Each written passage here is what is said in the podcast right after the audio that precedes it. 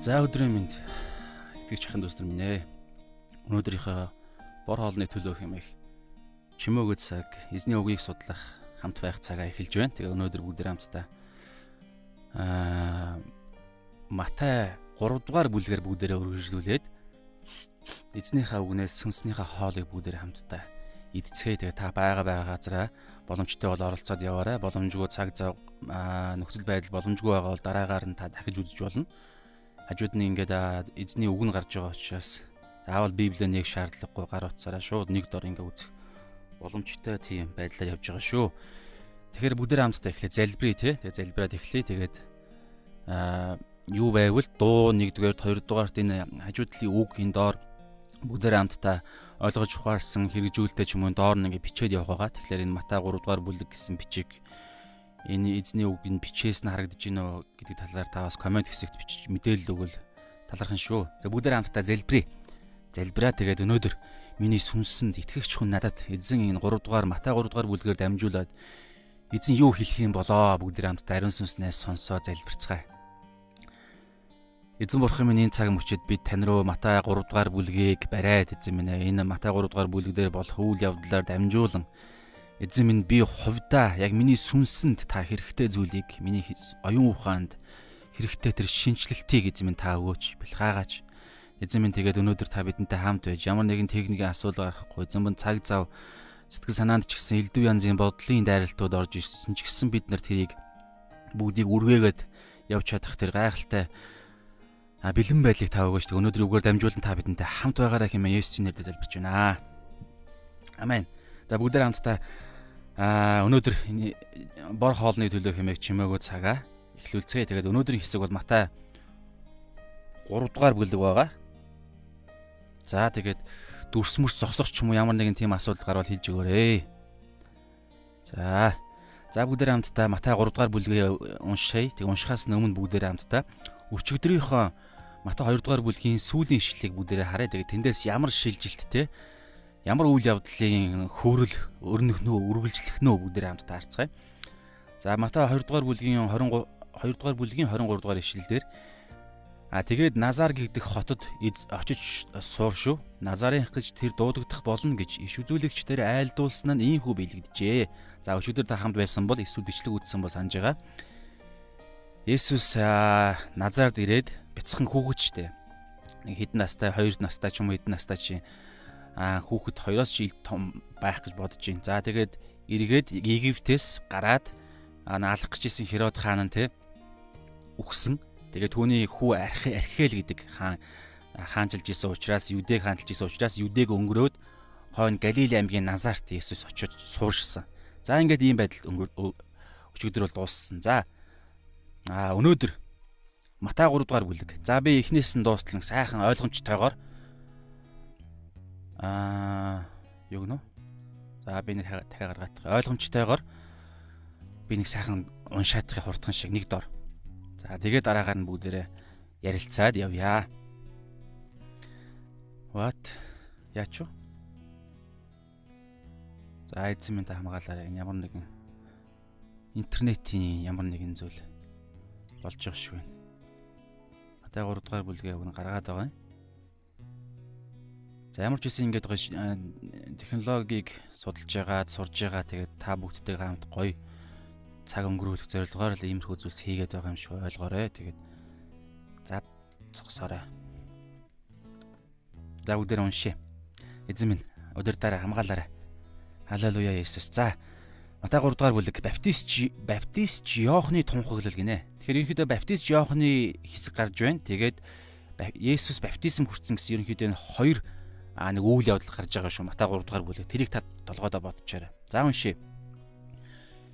Тэр өдрүүдэд баптист Йохан Юудэн цөлд гарч ирэн тунхаглахдаа гимшицгээ Тэнгэрийн хаанчлал айсуй гэж байлаа.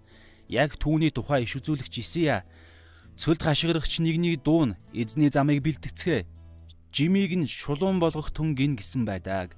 Йохан тэмээний хялгсан хувцс өмссөн агаад бүсэлхийдээс суран бүстэй аж түүний хоол хүнсэн зарцаа зэрлэг зүгийн бал байв. Тэгэхэд Иерусалим ба хамаг Юудэ мөн Йордан хавийн бүх нутгийнхан түүн дээр очиод нүглээ улаан Йордан голд түүгээр баптизм хүртэж байваа. Харин баптизм хүртэхээр фарисей ба садукайчууд олноороо ирж бөөг тэр хараад тэдэнд хорт могоон удмаа ирэх уур хилэнгээс зүхтгийг хэн та нарт сануулв? Тийм бөгөөс гимшилт зохистой үр жимс гарга. Авраам бидний эцэг гэж дотроо бүү бод. Би та нарт хэлий.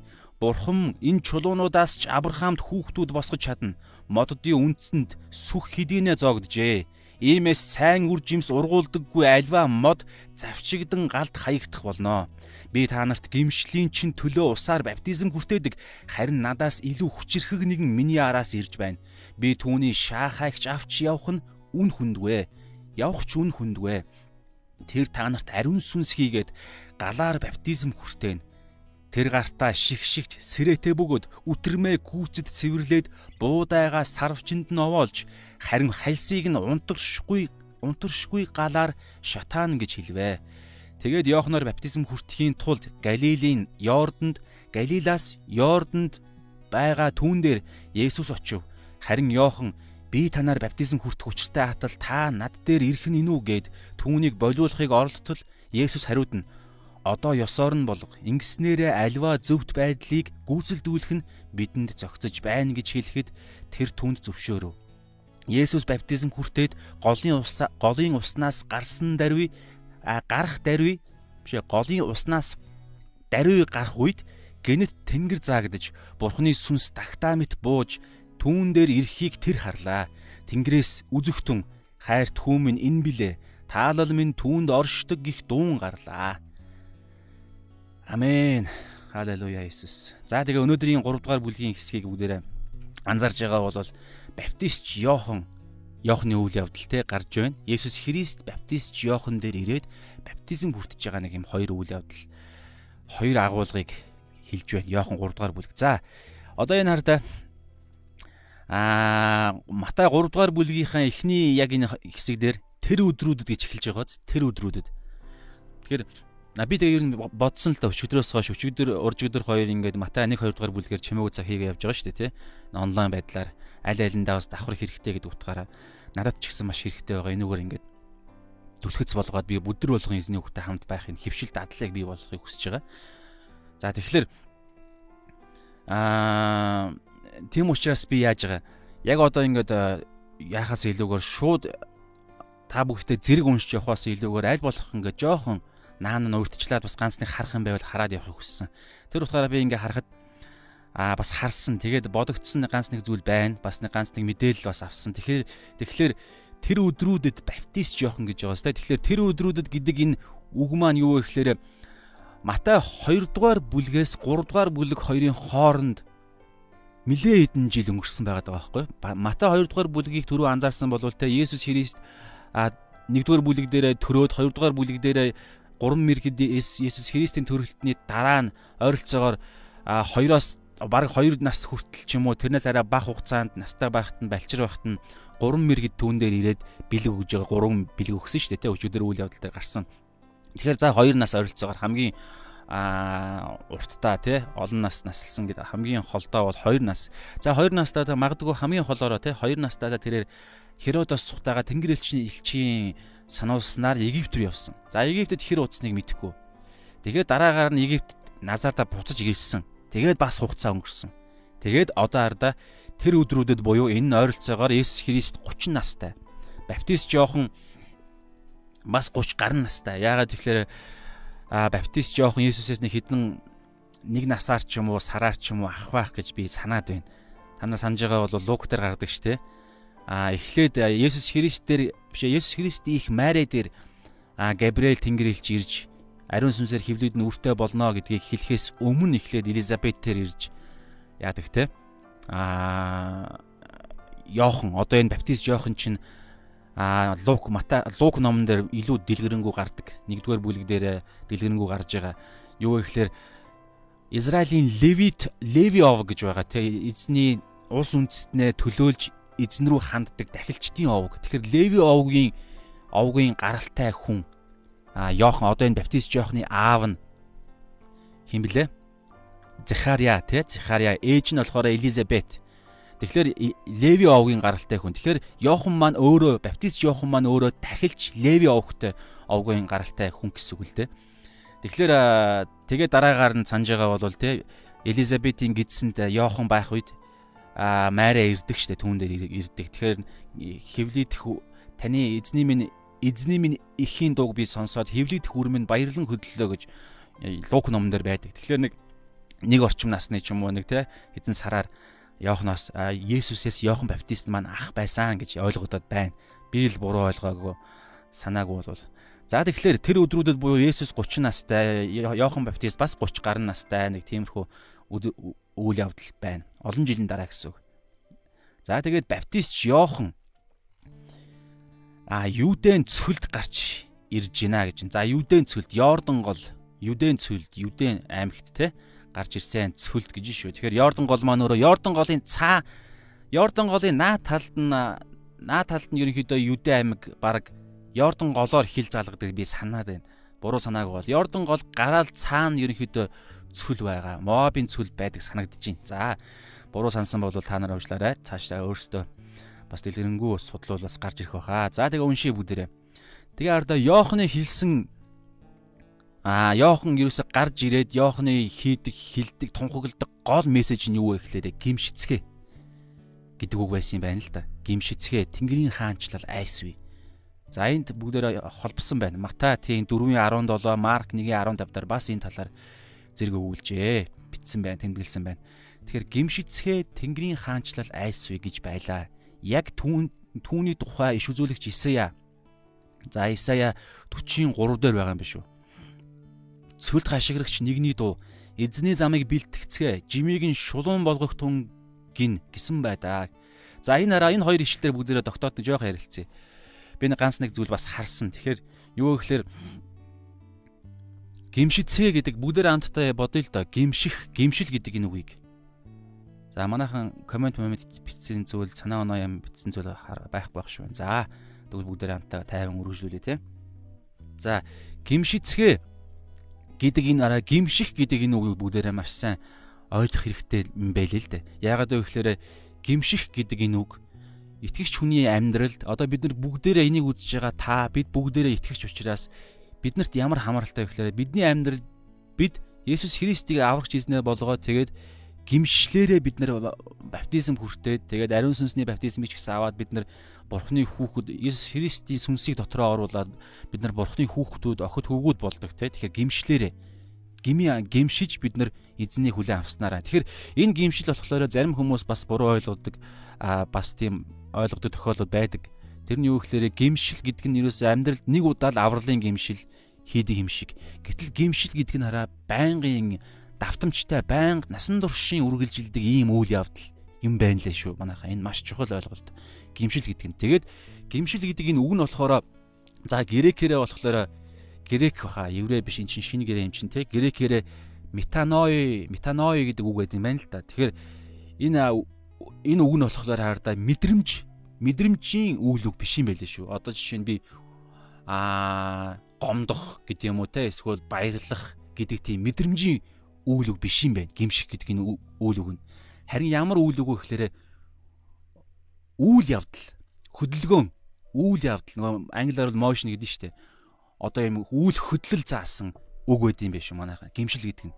Тэгэхээр энэ дээр юу гимшил гэдгийг бид нар юу гэж ойлгох вэ? Яг теологийн дагуу яг бид нар библийн дагуу зөв ойлголт нь юу вэ гэхээр бид нар оюун ухаанаараа бид нар аа явж байгаа замаа явж байгаа за тэр зам нь гим нүглийн зам эсвэл буруу ойлголт ч юм уу те явж байгаа замаа бид нар оюун ухаанаараа бид нар бурхнаар хараад Бурханаас оюун ухаанаар бид нэр тэр буруу зам гэдгийг олж хараад тэгээд зөв замаа бас давхар хараад тэгээд буруу замаасаа зөв зам руу эргэж байгаа тэр хөдөлгөөн үйл хөдлөл бодиттой тийм үйл хөдлөл бодиттой одоо амьдралын хэв маяг тийм маш бодиттой үйлс хөдөлгөөн үр жимс яг тэр утгаараа гимшлэгдүү явд юм байлээ.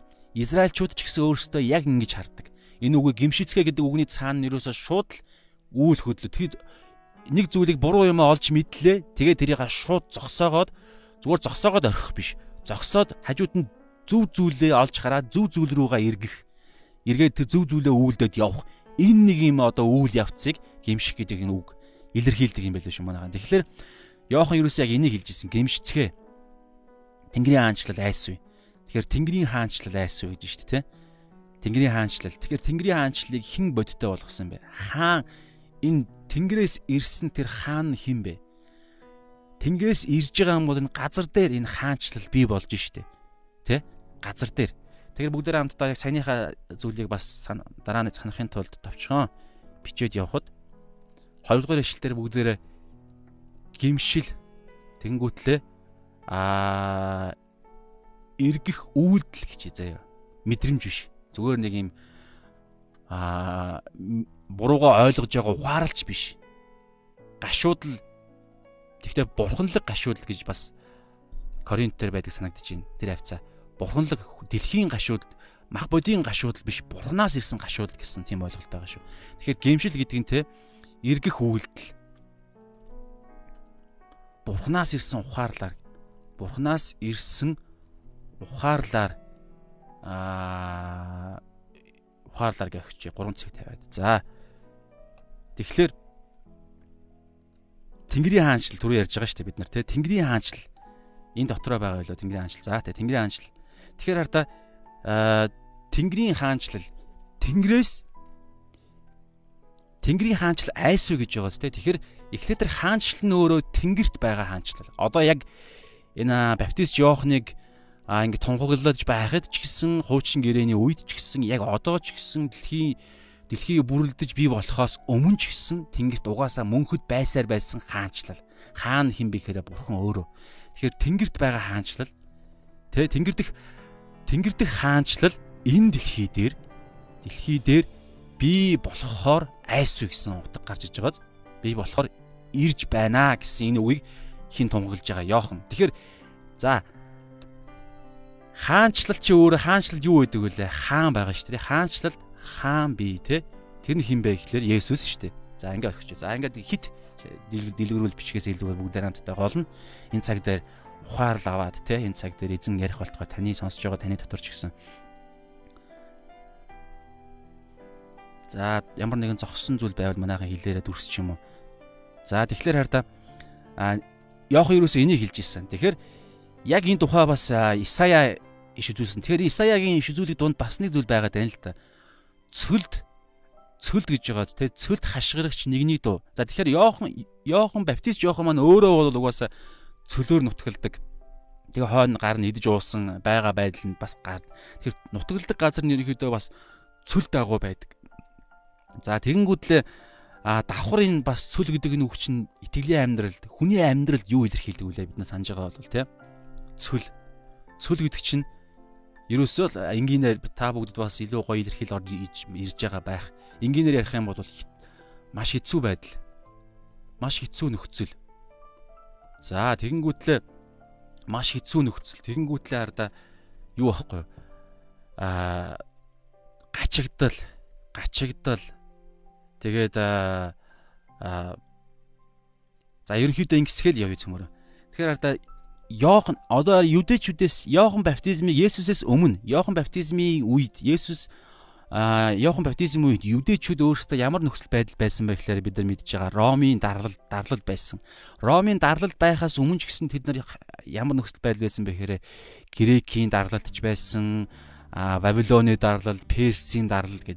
Яагаад энэ нөхцөл байдлууд дунд байгаад байна вэ гэхээр тэд нарыг тэд нар яаж яаж байгаа гэхээр үйлдэлээрээ амьдралынхаа хэм маягаараа бурхныхаа хэлсэн үгийн дагуу дуулууртай амьдрахгүй байснаас болж бурхан тэднийг тэднийг те сахилгажуулж ойлгож ухааруулахын тулд нөгөө буруу юм хийсэн хүүхдийг ээж аав нь хайраасаа болж банк хүртээдэг те сахилгажуулдаг эсвэл санал өргөөгөө зогсоодог ч юм уу эсвэл гэрээс нь гаргадаггүй ч юм уу яагаад ингэж ийм вэ гэхээр илүү аюултай зүйл байгаа учраас тэр илүү аюултай зүйлээс наан нь хамгаалж ойлгож ухаарах зүйлийг ойлгож ухааруулахын тулд тэднийг энэ цөлийн амьдралаар дагуулдаг гэсэн санаа. Тэгэхээр Есүс Христийг ирэхээс өмнө а юдэчүүд израилчууд өөрсдөө яг энэ цөлийн амьдралаар амьдарч ирсэн. Ромд дарлуулж байсан алб гувчуур тэднэрээ маш их алб гувчтуур авч ирсэн. Тэднийг маш их хавчиж байсан, доромжилж байсан, алан хядаж байсан.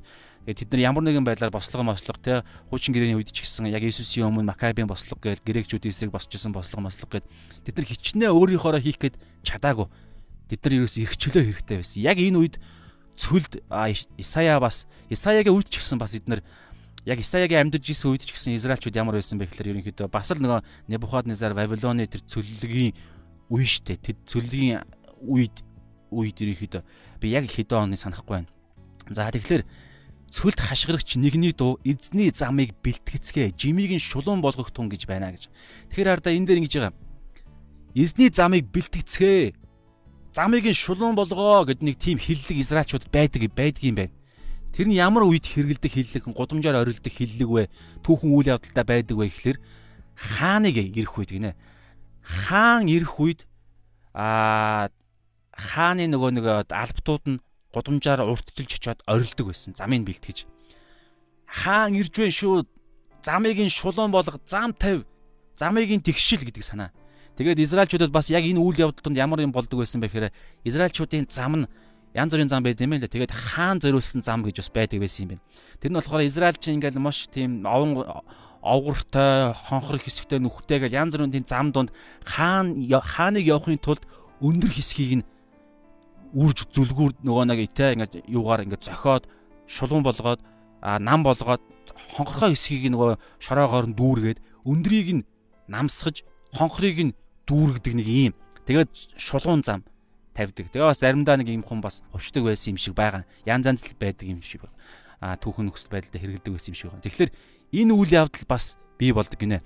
Тэгэхээр Йохан а Йохан өөрөө баптист Йохан өөрөө яг Есүс Христ эзнэн гэж байгаа. Эзний замыг эзэн буюу яг Тэнгэрийн хаанчлалынх нь хааныг нь ирэхээс өмнө Йохан өөрөө энэ дэлхий дээр ирээд юдэчүүдэд замыг бэлтгэцээ гэж байгаа юм. Яаж зам бэлтэх юм?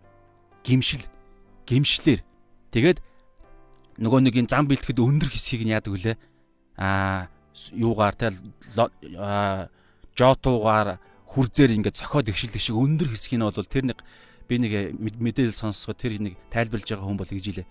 Бардамнал гэж ярьж байгаа байхгүй хүний дотор байгаа бардам зангуудыг даруусгаж яа юуны төлөө вэ гэхээр а бурхан хаан бидний зүрх сэтгэлд ороод бид нарыг чөлөөлөх, бид нарыг аврах, биднийг цэвэрлэх тэр ажлаа хийхин тулд бид нар замаа бэлтгэж байгаа тэр бардам байдлыг даруусаж тэгээд тэр сул талуудыг нь те хонхорхой хэсэг буюу тэр сул дорой байдлуудыг нь дүүргэх буюу тэр амлалт Месаягийн амлалтууд одоо ирж байна. Та нар найд итг гэсэн тэр ойлголтыг Йоох ингэж хэлж байгаа санаа. Тэг хамгийн гол энэ бүгд чинь юугаар вэ гэхээр даруусах тэгээд тэр буруу замаасаа буруу зам буюу бардамлын замаасаа эргээд зөв зам руугаа буюу тэр эзэн дээр найдах, бурхандаа найдах, тэр амлалтанд найдах, месиа ирнэ гэсэн тэр амлалтанд найдах найдвар буюу зөв зам руугаа эргэх гэсэн энэ гимшлийн а гимшлийг Йохан зарлж явсан гэж байгаа гэж байгаа байхгүй юу.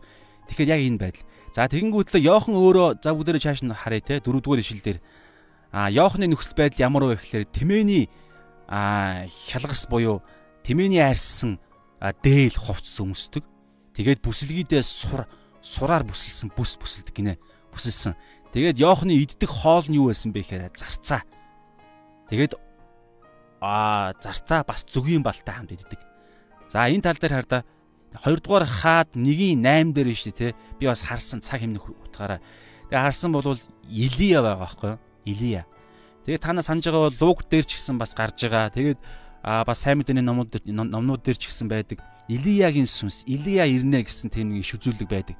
Тэгэхээр тэрийг одоо энэ ч гэсэн хоошоо гарах бах та хинбэ гэдэг асуултанд та Илия гэхэд Йохан бол үгүй гэсэн санаа хэлдэг боловч Есүс бол юу гэж хэлж байна вэ гэхээр Йоханыг бол Илиягийн тэр тослогоо тэр үйлчлэлийн тэр дуудлага Илиягийн сүнс гэдэг нь тэр л дээ. Түүнээсээр Илия гэдэг нэг сүнс одоо буддад буддын шашинд байдаг шиг хой төрлөө олж ирж байгаа гэсэн ойлголт бол биш шүү дээ. Тийм юм бол байхгүй.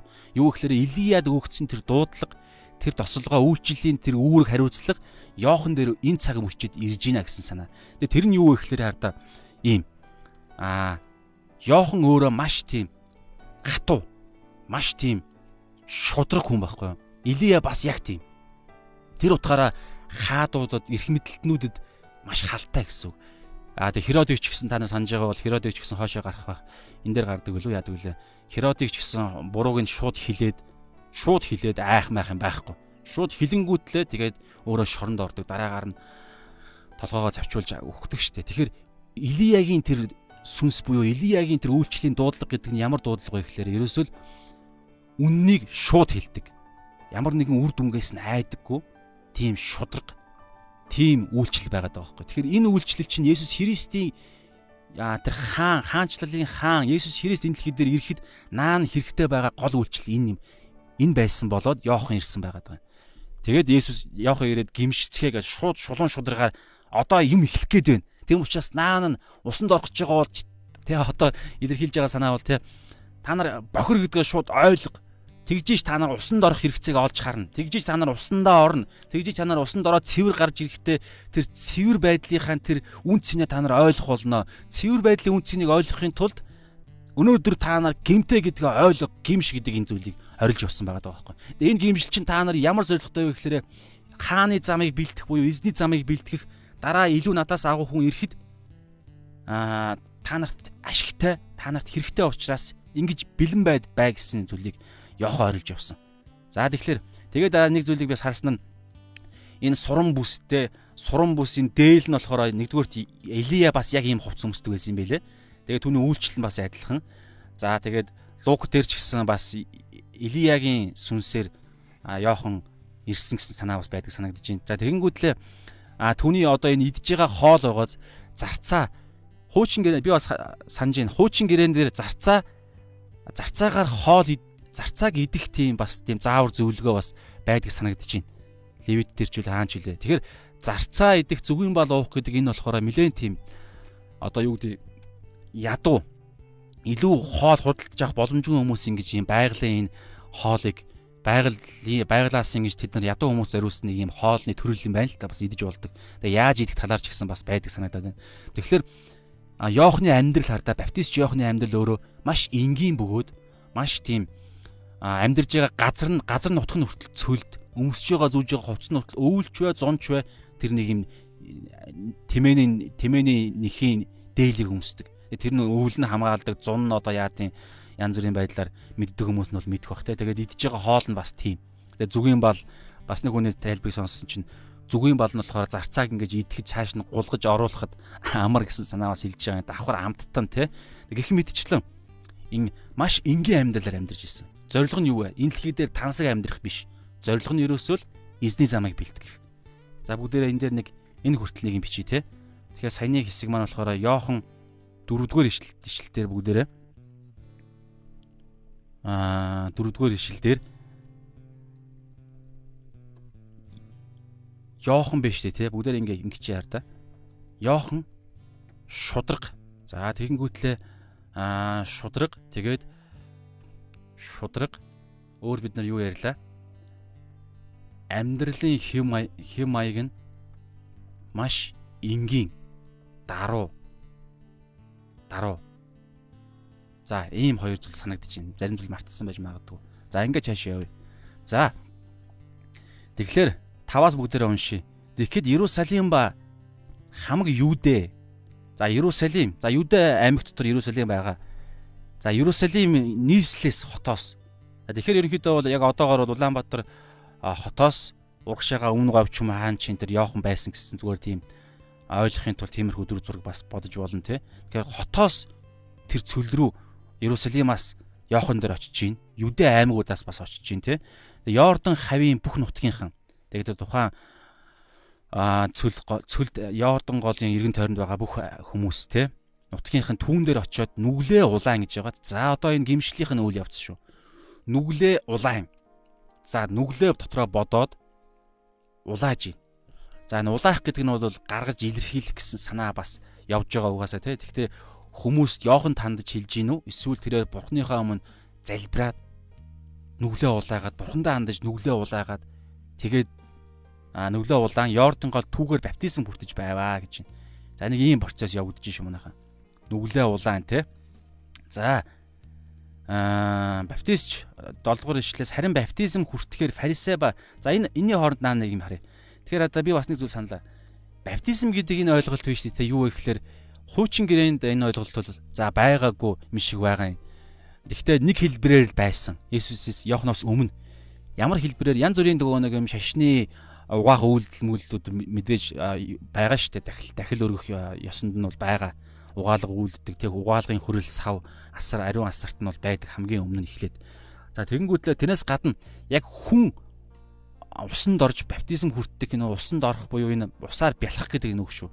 Баптизм болохоор баптисточ үлээ юу лээ тиймэрхүү нэг утгатай үг гэдэг юм байлээ. Баптизм яг иймэрхүү агуулга нь үндсэн адилхан баптист гэсэн санаатай.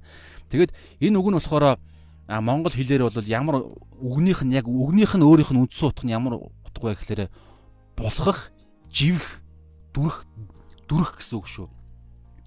Нэг юм араа ийм ус, нэг ийм ус заад усан дотор ингээд бүрэн булхаж ороод гарч ирэх. Дүргдэх, живх те а шумбах, булхах гэсэн ийм санаатай үг үг юм байлээ.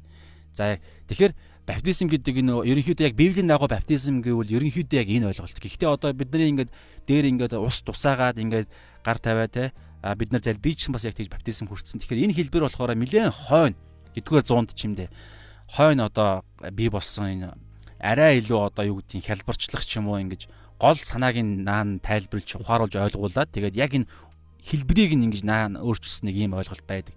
Гэхдээ яг Библийн дагуу баптизм гэвэл яг юус энэ. Тэгээ баптизм гэдэг үг нь хүртэл өөрөө дусаах мусах гэсэн санаа бол биш. Дээрээс нь гойжуулах биш. Булхах гэсэн санаа байгаа. Булхах, шумбах, тэгээ дүрж орох гэсэн санаа. За энийг бид нар бас санчих хэрэгтэй. Боломж байвал ингүүл илүү зүгээр шүү. За энийг бас цаана сүнслэг утга бас а үнцэн ч гэсэн байдаг гэж олон олон хүмүүсүүд дамаа баптист баптист урсгалын хүмүүс энэ тал дээр бол маш их мэдээлэл байдаг байх гэж бодож байна. За тэгэнгүүтлээ ардаа нэг хуучин гэрээнд буюу Есүсээс өмнө Иохан баптистаас өмнө баптизм гэдэг энэ ойлголт болохоор нэг тохиолдолд хэрэгэлдэг байсан нь би олж мэдсэн юу вэ гэхээр харь үндэстнүүд юдэн шашин буюу одоо яг энэ Есүсээс өмнө бол цоргаан шашин бол тэр шашин шүү дээ. Библийн дагуу хүнэн хуучин гэрээний Ява Йохва бурхантай амьд оршигч тэр бурхандаа би байдаг гэдэг тэр нэртэй тэр бурханд аа итгэхийн тулд харь үндэстнүүд оо баярлаа энэ цагийн төлөө талархъя гэж байна. За тэгэхээр ардаа харь үндэстнүүд Есүс харь үндэстнүүд а юдэн шашинд ирж юдэн шашинд ирж одоо бурханд нь итгэж ингэж тийшээ орохын тулд харь үндэстнүүдийг л зөвхөн. Тэгээ харь үндэстнүүдийг бүр юдэчүүд өөрөөсөө нохоо гэж дууддаг байсан юм байна л хоорондоо. Нохоо гэдэг хэллэгээр тийм дорд үздэг. Тэгэхээр тийм дорд хүмүүсүүдийг а ирж нөгөө нэг юдэн шашин буюу цор ганц амьд ошиг Явха бурханд нь итгэх тэр үйл явдлын үед л тэднийг шашиндаа оруулах тэр ёс заншил нь юу байсан бэ гэхээр баптизм ингэж булгадаг булгадаг гэсэн санаа байгаад байгаа байхгүй. Тэгэхээр яг ийм ойлголттой үед Йохан ирж юдэчүүдэд шүү. Харин үндснүүдэд биш. Юдэчүүдэд юу гэж хэлж ийнэ вэ гэхээр гимшицгээ Тэнгэрийн хаанчлал ойрхон байна. Тэгээ баптизм хүртэж хэлж байгаа байхгүй. Тэгээ гимшил гэдэг үгэн дотор чинь дөрөв бид юу юу гэж ярьлаа? Буруу замаасаа эргэх гэсэн дээ. Буруу зам нь юу гэхээр бардамнал, дуулуургүй байдал. Тэгээд өөрөөсөө амар ихэрхсэн худал хуурмгууд. Тэгэхээр тэндээсээ эргэх буюу эргээд бид нар чинь харь үндснүүдтэй адилхан тийм бүр адилхан тэднээс долоондорч гэдэг юм уу тийм өөрсдөө мундаг биш харин би бүр ийм гимтэй юм байна. Би ялгах ялгахын аргагүй юм байна. Хариу үндснүүдэд ялгахын аргагүй юм байна. Тэр нохоо гэж дууддаг тэтгэр хүмүүсүүдтэйгээ би ч гэсэн адилах юм байна гэдгээ ойлгож даруусах нөгөө өндөр газрыг хааны замыг бэлтгэхийн тулд товгор газрыг ингэж тэгшилж байгаа тэр бардам зан даруусж байгаа энэ процессыг процесс байгаад байгаа байхгүй. Тэгэхээр энийг ингэж ойлгуулж баптизм хүртэх үе та нар баптизм хүртснээрээ даруус гэсэн санааг Йохан энэ баптизмын үйл явдал донд шууд тухайн үеийн юдэчүүдэд нь тэгж ойлгогдож ирсэн байгаад байгаа юм баптизм баптизм хүртгээ тэнгуут нь юу вэ? Бид нар чинь Бурхны ард түмэн яалаа гэж юм бүр тэ нохтуудын хийдэг үйлдэлийг бид нар хийдэм бай гэдэг тийм ойлголттой байх үед нь наад ойлголт чинь та нарын бардамнал наадах чинь хааныг ирэхэд саад болно. Та нарын зүрх сэтгэлд чинь орж хаан энэ дэлхий дээр хаанчлаа хийхэд чинь саад болох юм чинь наадах чинь. Тиймээс наадахаа та нар наадахаасаа та нар гимш наадахаа эргүүлэхгүй бол та нар галж хатаагдах болно. Тэ уур хөл нь бий болох болно гэдгийг Йохан хэлдэг байсан. Тэгээд тэрийг ойлгосон хүмүүсүүд гимшээд, гим нүлээсээ гимшээд Йохан дээр ирж баптизм хүртдэг байсан байгаа даа. За ингэ явж байна. Баптизм гэдэг нь цаана ийм ойлголт. За бүгдээрээ 7 дугаар ишлэг харъя. Харин баптизм хүртэхээр фарисей ба садукайчууд олноороо ирж бүх тэр хараад тэдэнд хорт могоон удмаа эрх уур хилэнгээс зүхтхийг хин та нарт сануулв. Тийм бөгөөс гимшилт зөкстэй үр жимсийг гарга. Авраам бидний эцэг гэж дотроо бүү бод. Би та нарт хэлий. Бурхан энэ чулуунуудаас ч Авраамд хүүхдүүд босгож чаднаа. Моддын үндсэнд сүх хэдийнэ зоогджээ. Иймээ сайн үр жимс ургуулдаггүй альва мод зогтсон сүхээрээ завчигдж тэгээд хардаа галд хаягдах болноо гэж хэлж байна. Галд хаягдах болноо. За энэ хүртэл цөмөр явъя. 10 дугаар ишлэл хүртэл 7-оос 10 хүртэл.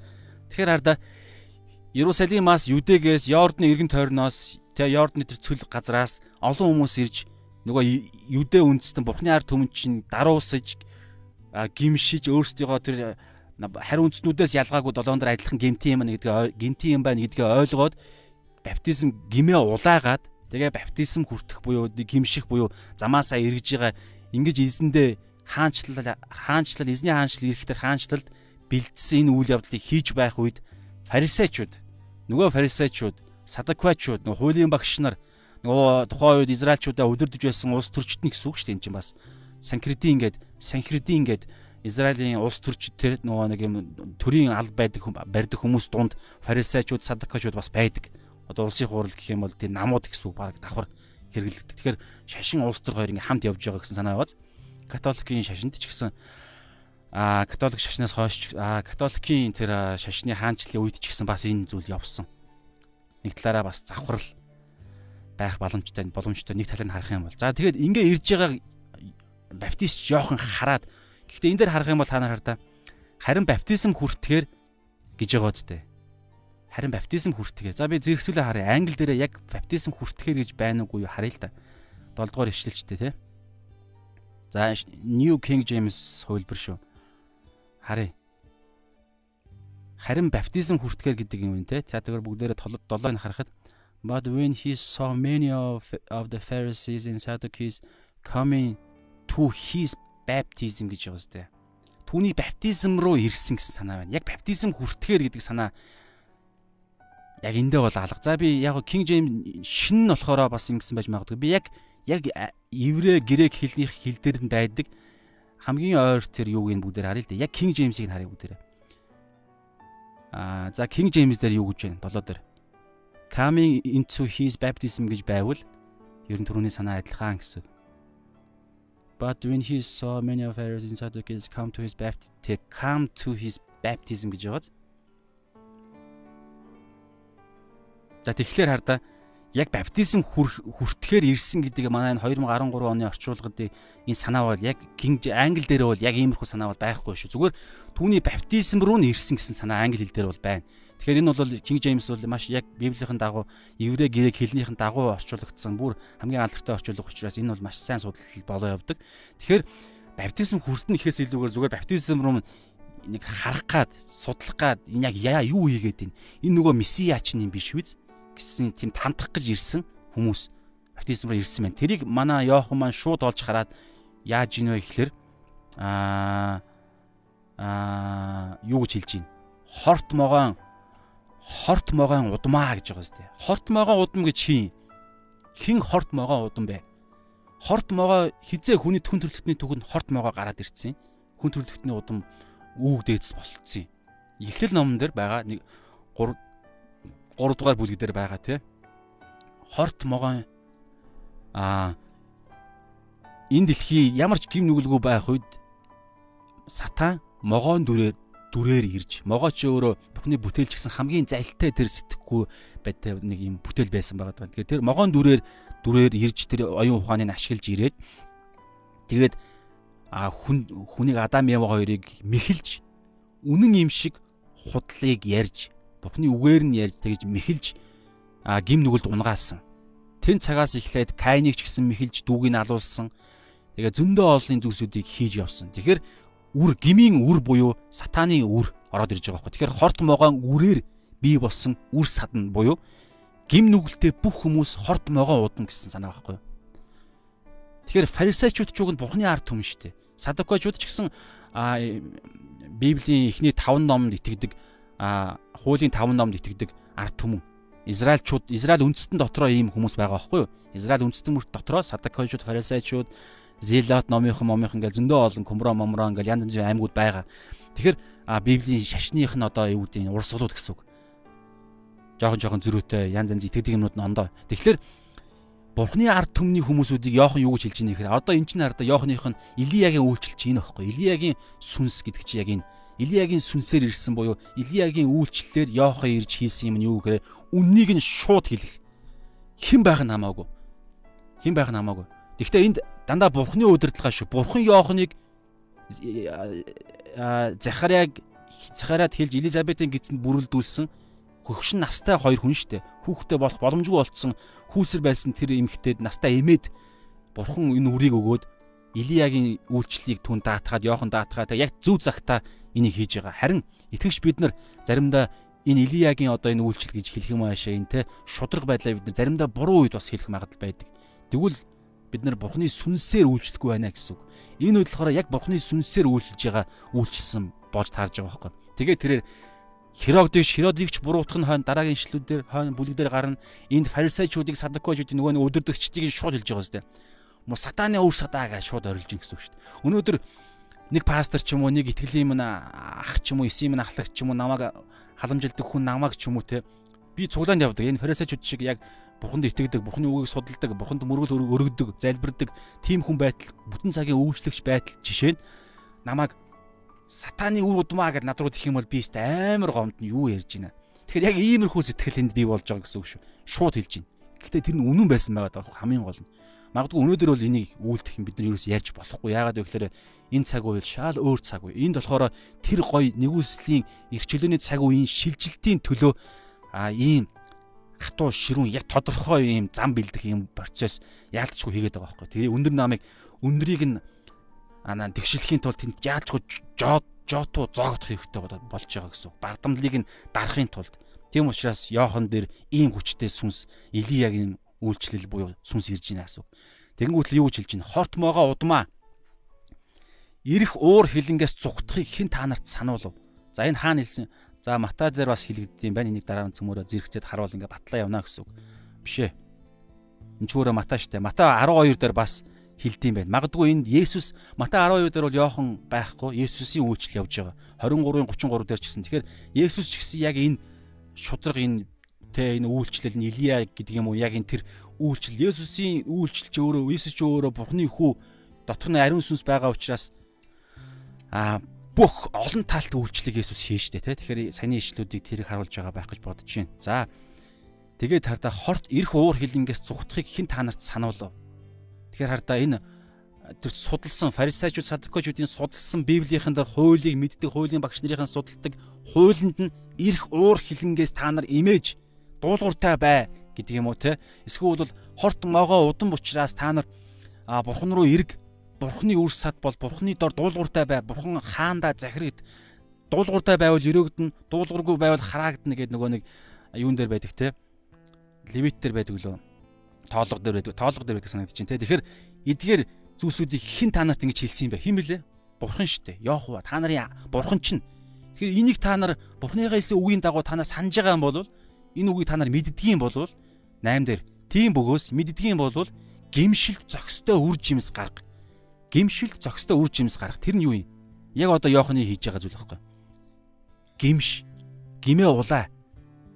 Тэгээд гимтэй адилхан харь үндснүүдтэй адилхан тийм. Тэднээс ялгаагүй ялгаагүй гимтэн гэдгээ улайгаад баптизм хүртэл замаасаа эрг гэдэг имийг хэлж байгаа. Хийж байгаа одоо тэрээр Йохан баптизм баптизмынхаа тэр үйл явдлыг баг танилцуулж гин гэсэн үг шүү дээ. За тэгээ цаашаа харъя бүгдээрээ. Тэнгүүд л одоо хэлж байна хардаа энэ бас нэг зүйл. Авраам бидний эцэг гэж дотроо бүү бод. Би та нарт хэлье. Бурхан энэ чулуунуудаас ч Авраамд хүүхдүүдийг босгож чаднаа гэж байгаа. Тэгэхээр хардаа нэг ийм зүйлийг би бас сонссон. Олж мэдсэн. Тэр нь юу гэхээр аа юдэчүүд бурхны ард түмний боддог нэг юм бурханд бурханд таалагдах, бурханд хүрэх, бурхны хим хэмжүүд хүрэх нэг юм хоёр арга замыг хоёр одоо тийм бурханд хүрэх арга замыг тэд нэр хуучин гэрээнд байдаг гэдэг юм итгэдэг юм байна л да. Тэр нь юу вэ гэхээр нэгдүгээрт хуулийг биелүүлэх шүү. Хуулийг бүрэн биелүүлэх. Тэгэхээр фарисеучуд садукчуд хуулийн багш нар энэ Бурхны өгсөн энэ Бурхны өгсөн хуулийн дээр нэмээд өөрсдийнхөө хуулиудыг бас нэмж оруулсан байдаг. Нэмж. Нэмж илүү хүнд зарим бүр Бурхны хуулийн дээр байхгүй зүйлийг хүрт тэдний амьдралд нь зориулж Бурхан ийм ийм амьдрал дээр ингэж ингэж хэрэгжүүл гэж хэлж байгаамаа гэд бичээсэнд байхгүй зүйлийг хүртэл оруулсан байдаг. Тэгэхээр тэрэнд нь хүртэл биелүүлж тэрийг нь биелүүлэх биелүүлэх юм бол Бурханыхаа ард түмэн гэдэг нэр нэрэн дотроо явна гэдэг. Хоёрдугаарт нь юу гэж Авраамийн яг мах цусных нь үр садл Бурханы хүүхдүүд, Бурханы ард түмэн болох боломжтой гэдэгт итгэж явд итгэдэг байсан юм байна л да. Тэгэхээр арда яг тухайн үед Израильчууд угаасаа өөрсдөө Авраамийн үр сад байхгүй юу? бүгдээрээ Авраамийн үр сад угаасаа яг мах цусных нь. Яагаад вэ гэхээр та нар санаж байгаа бол Авраамаас Исаак Ишмаил гарсан шүү дээ. Тэгэхээр Ишмаил нь арабчууд одоо энэ одоо мусульман, исламын шашнууд, лалын шашнууд, исламын шашнууд ч өөрөөсөө Исаакийн Авраамийн Бурхны амлагдаагүй буюу өөрөө тэр Египтийн Сарагийнхаа татвар юм Египт боолтой унтаж гаргасан тэр Ишмаил гэдэг хүүхэд хүүхдээс гарсан үр удам олон мянган жилийн дараах юм яриад шүү дээ. Нэг хүүхдээс бүр үндэстэн гарах боломжтой байгаад байгааз. Тэгэхээр эн чинь өөрөө эхлэх нэгийн 28 дээр байгаа өсөн нэмэгдэж өнөр өтгөн болж газар дэлхийг гүр гисэн энэ ерөөл буюу энэ тогтолцоо ч өөрөө ингэж үйлчлдэг байхгүй юу? Та өнөөдөр ганц хүн байж болно, та ганц итгэгч байж болно. Гэхдээ та итгэгч ихнэр ихнэр ихнэртэй нэг бий болоод үр хүүхд гаргаад тэгээд та хідэн эзэн ирчихгүй бол хэдэн жилийн дараа хэдэн зуун жилийн дараа таны үр удам чинь бүр бүхэл бүтэн хот болох болгоч боломжтой. Яг ингээд цуглуулах юм ба шүү дээ. Бүгд тараал явна л да. Гэхдээ яг цуглуулах юм бол бүхэл бүтэн хот болгоч боломжтой. Тэгэхээр эн чинь өөрөө асар чухал энэ бүтээлийн ерөөл энэ тогтолцоо систем явагддаг зүйл л дээ.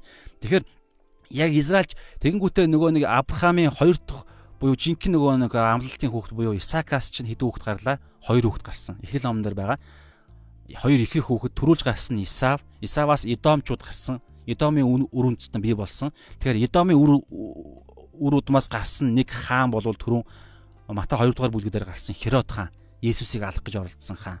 За Исаакийн хоёр хоёр ихнийх нь томынх нь Исав байна, багийнх нь Яаков. Яаковаас 12 хүүхэд гарсан. 12 хүүхэд чинь дараагаар нь бөөйн болж болж болж байгаад багаасаа хоёр дахь хүүхэд Йосеф нь те бас бөөн шорон оронд орж байгаа те хилмигдэж шорон оронд орж байгаад Египттэй Египтэд очиод боол болоо тэндээс эзний эзний ивэл өрөөлөөр тэр Египтэд бүр Египт фараоны яг дараа ордог захирагч болоод тэгээд тэнд очиод үлсгэлийн үлсгэлэнгийн үеэр Яаковын 12 хүүхдийн гэр бүл болох 70 Израиль хүнийг Египтэд авчираа. Тэгээд тэндээс хойш 430 жилийн дараа Израиль үндэстэн болцсон байсан байгаа байхгүй бүр хэдэн сая хэдэн саятай бүхэл бүтэн үндэстэн болоод Египтээс 10 гамшиг гамшиг буюу гайхамшигаар гарч явсан. Тэгээ тэндээс чинь хойш өчнөө жилийн дараа одоо энэ Израилийн ард түмэн бий болцсон. Тэгэхээр яг харах юм бол бүгдээрээ Авраамийн үр сад байхгүй юу? Бүгдээрээ Авраамаас гарсан Исаак, Исаакаас гарсан хоёр хүүхдийн нэг нь Яаковаас гарсан 12 овг. Тэгээ тэндээс чинь ингэж бий болсон хүүхдүүд. Тэгэхээр энийг бодонгуутлаа хариу үндэстнүүд бүгдэнд нь Бурхны аврал байхгүй зөвхөн Израильчуудад буюу Авраамийн үр удамд. Тэгэхээр яг ийм ойлголттой байх үед нь яг хин юу гэж хэлж ийн гэж аа энэ тараар да Яаков бишээ Йохан баптист Йохан харда баптист Йохан ч гэсэн өөрөө адилхан Авраамийн үр удам. Гэхдээ эн чинь харда эн чинь та нарыг аврах гол юм чинь бишээ гэдгийг хэлж байгаа байхгүй.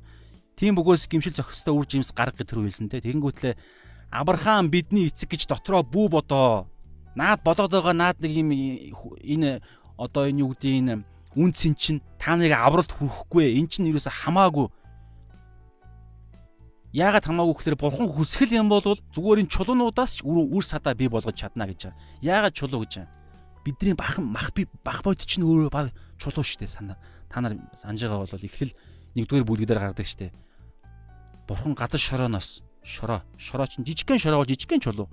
А том чулуу жижигхэн ширхтээ нь бол жижигхэн шороо болоо явчихна. Том нь бол яг чулуугаараа болно. Бүр том нь хад уул болоо явчихна те. Ургаа хад мад гэд. Тэгэхээр бидний мах бод чинь өөрөө чулуунаас чулуу шорооноос биднийг бий болгосон мах бод. Тэгээд амьсгалыг нь өөрийнхөө сүнсээрээ оруулсан болохоос биш. Яг бидний мах бод бол. Тэгэхээр та нар яриад байгаа чинь зүгээр л мах бод л та нар яриад байна. Бурхан ч өөрөө сүнсээ, Бурханы ард түмэн аврал ч өөрөө сүнслэг ойлголт. Та нар гим нүгэл ч өөрөө сүнслэг ойлголт. Мах бодийн талаараа та нар аврагдаж чадахгүй хуучин гэрээнд энийг хийх гээд үнэхээр чадаагүй гэсэн санааг цаанаас явж явж байгаа.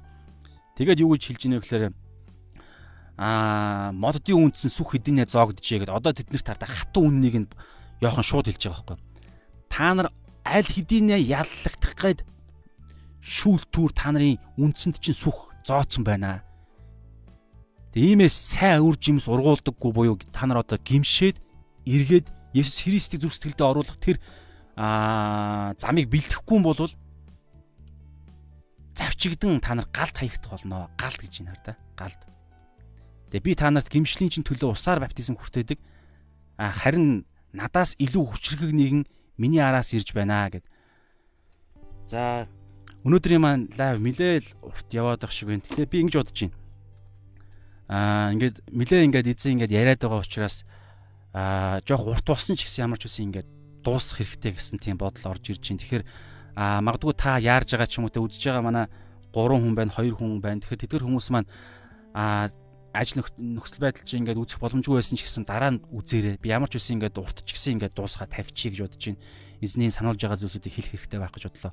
За тэгэхээр одоо энэ дээр хараа Авраам бидний эцэг гэж уншсан те. Авраам гэсэн би та нарт бурхны бурхны чулуунуудаас ч Авраам хүүхдэд босгож чаднаа. Моддын үндсэн сүхэднээ зогдөжээ гэд эднэрийг чи хинт хэлж байгаа юу лээ?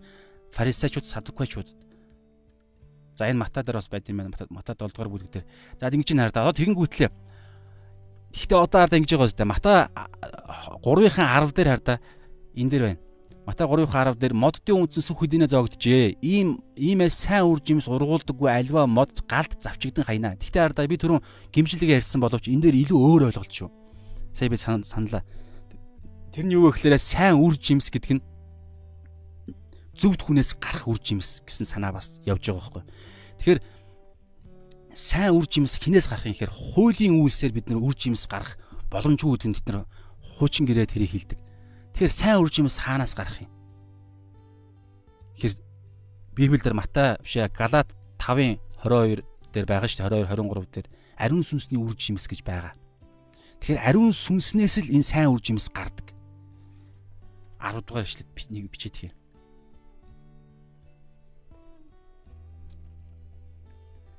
сайн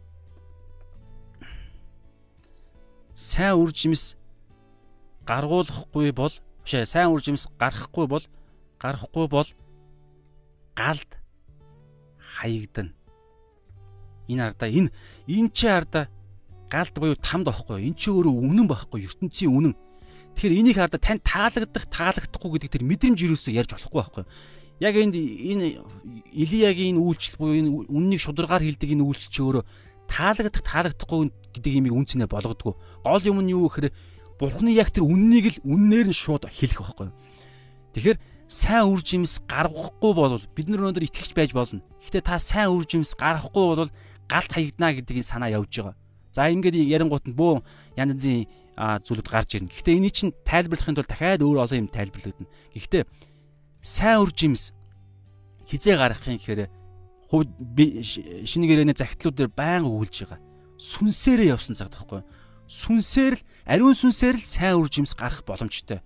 Та хичнээн мундаг оюун ухаантай мэдлэгтэй өөрийгөө маш ихтэй өдөр болгон сайн үйл хийхин тулд ингээд листтэй юм жагсаалан хасаал гаргаад ингээд мөнгө төргөө өгөөл өргөл дөргөөл юу ч хийсэн бүр амиа өгсөн ч гэсэн таны ариун сүнсний тэр үр жимс буюу тэр хайр, итгэл хайр, найдвар тэ баяр хөөр өөрийгөө захирах байдал, дуулууртай байдал, өөрийгөө захирах байдал гэл эдгээр зүйлс чинь юу вэ гэхээр ариун сүнснээс гарах ажил биш. Ариун сүнснээс гарах үр жимс. Аяандаа гарна гэсэн үг. Гол нь энэний тулд юу бид нар юу өн дээр анхаарах вэ гэхээр ариун сүнс миний дотор байна уу нэгдүгээрт, хоёрдугаарт ариун сүнс байгаа ариун сүнсээ би сонсож түүгээр өдөрдүүлэгдэж хаан ширээндээ Христийг залснараа ариун сүнс нь ажиллаа хийх тэр зүйлийг би өнөөдөр итгэлийн амьдралаар амьдарж гин үү гэдгээс хамаарж надаас үр жимс гарах уугүй юу гэдэг шаард шалтгаална. Түүнээсээ миний мэдлэг хамаагүй. Гэхдээ зөв үннийг мэдэх мэдлэг маш чухал боловч дан мэдлэг ерөөсөө энэ зүйл дээр хүч байхгүй. Тэгэхээр яагаад би нэг ярьсан бэ гэхээр 10 дугаар ишлэлээр энийг хилэнгүүтлээ сайн үр жимс гаргадаггүй альва мод гал завчигдсан хаягн гिचэн үннийг хилэнгүүтлээ 11 дээр нь одоо Есүс рүү орж ирж байна. Та нарт гимшлийн чинь төлөө зөвхөн гимшлийн чинь төлөө буюу хаан энэ дэлхий дээр ирэх Есүс Христ хаан энэ дэлхийн Бурхны хаанчлалын хаан болсон Есүс Христийг энэ дэлхий дээр миний зүрхэнд ирэхдээ замыг нь шулуун болгох тэр гол ажлыг л би хийж байгаа. Тэр нь усан баптизм буюу гимшлэр ирэх усан баптизм. Нөгөө эргэх, даруусах амлалтан дээр итгэл найдвар.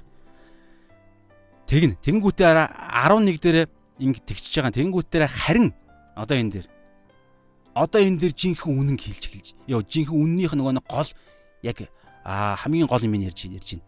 Надаас илүү хүчрэхэг нэгэн миний араас ирж байна. Надаас илүү хүчрэх. Тэгээд би түүний шаахааг авч явахч үн хүндгүй. Тэгэхээр шаахааг тухайн үе түүхэн нөхцөл байдалдаа гэрт үйлчилдэг үйлчлэгч боолуудын хамгийн дорд цолтой хамгийн доод төвшнийх нь боол нь эзнийхээ ирэх үед нь шахаагийн авч эзэндээ үйлчлдэг байсан. Тэгэхээр хамгийн дорд боол бий гэж хэлж байгаа байхгүй. Харин Есүс Йоханыг дараа нь юу гэж гэрчилдэг вүлээ танаа санаж байгаа бол аа энэ дэлхий дээр байгаа хүмүүс дундаас хамгийн агуу нь Йохан юм а гэж байгаа байхгүй. Хүн дундаас хүн төрлөختний дундаас хамгийн агуу нь Йохан юм а гэсэн санаа илэрхийлдэг санагдаж байна. Гэтэл Йохан өөрөө яаж ий?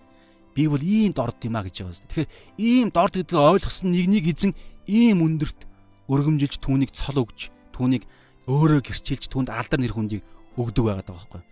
Харин бид нар эсэргээ байхаж оролтгол юм бол эзэн бидэнд юу гэж хэлж чинь? Хорт могоо удмаа. Ирэх уур хилэнгээс та нар гимшээ, эргээ.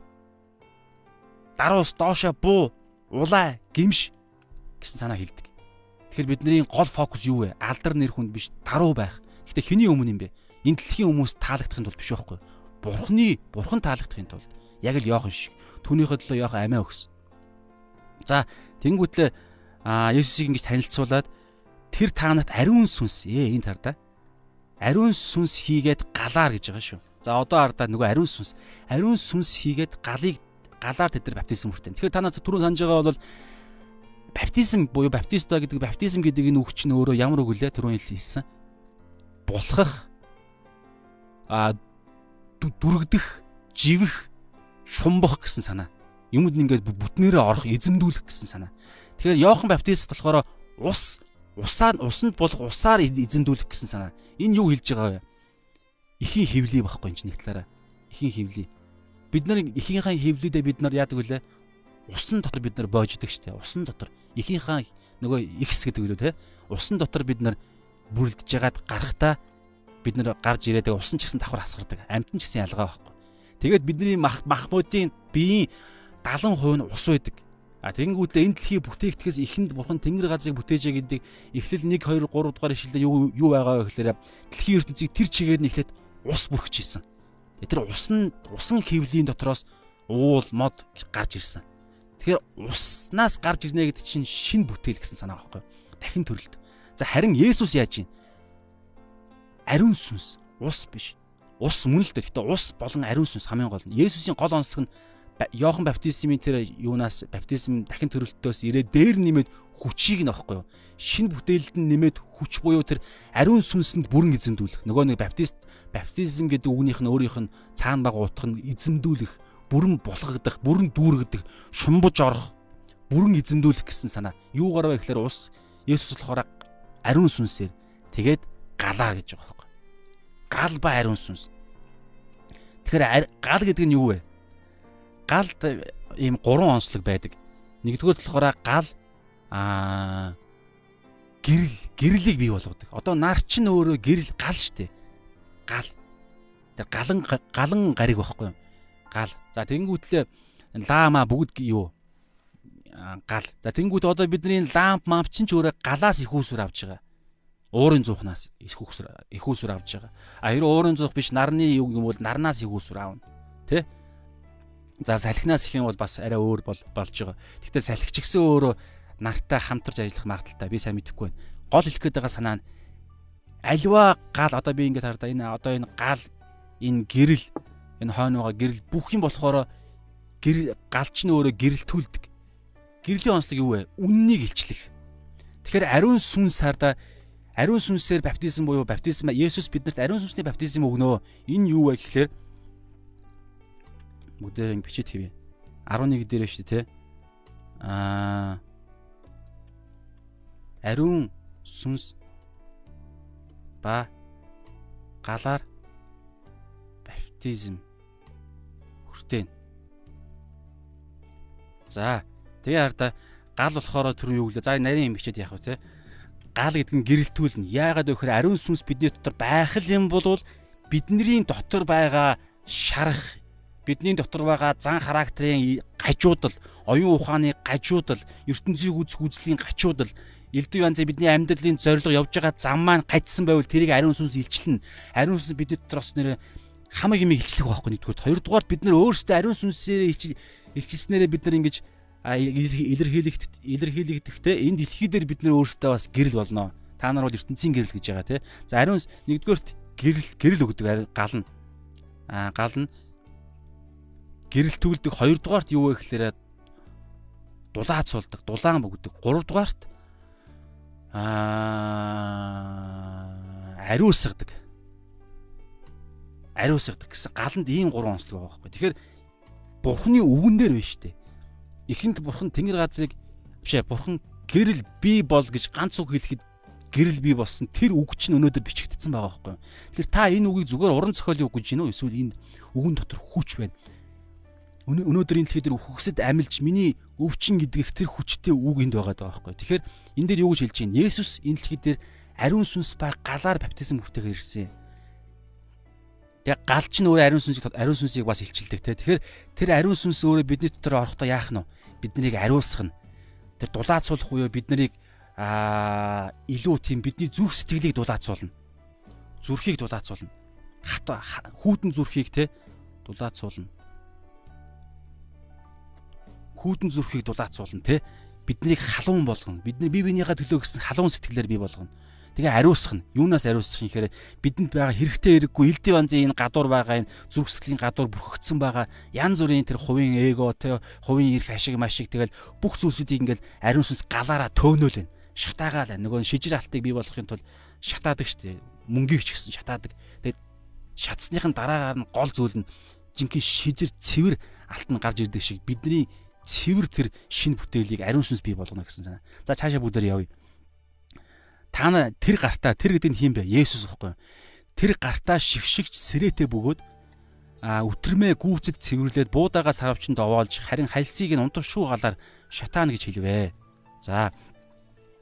Тэгэхээр энд энэ дээр юу хэлж чинь? Та нар ингээ харъя. Энд ямар санаа хэлж чинь? Шүүлт, эцсийн шүүлтийн өдрийг хэлж байгаа гэж танд харагдаж байгаа бох те. Яг үнэ.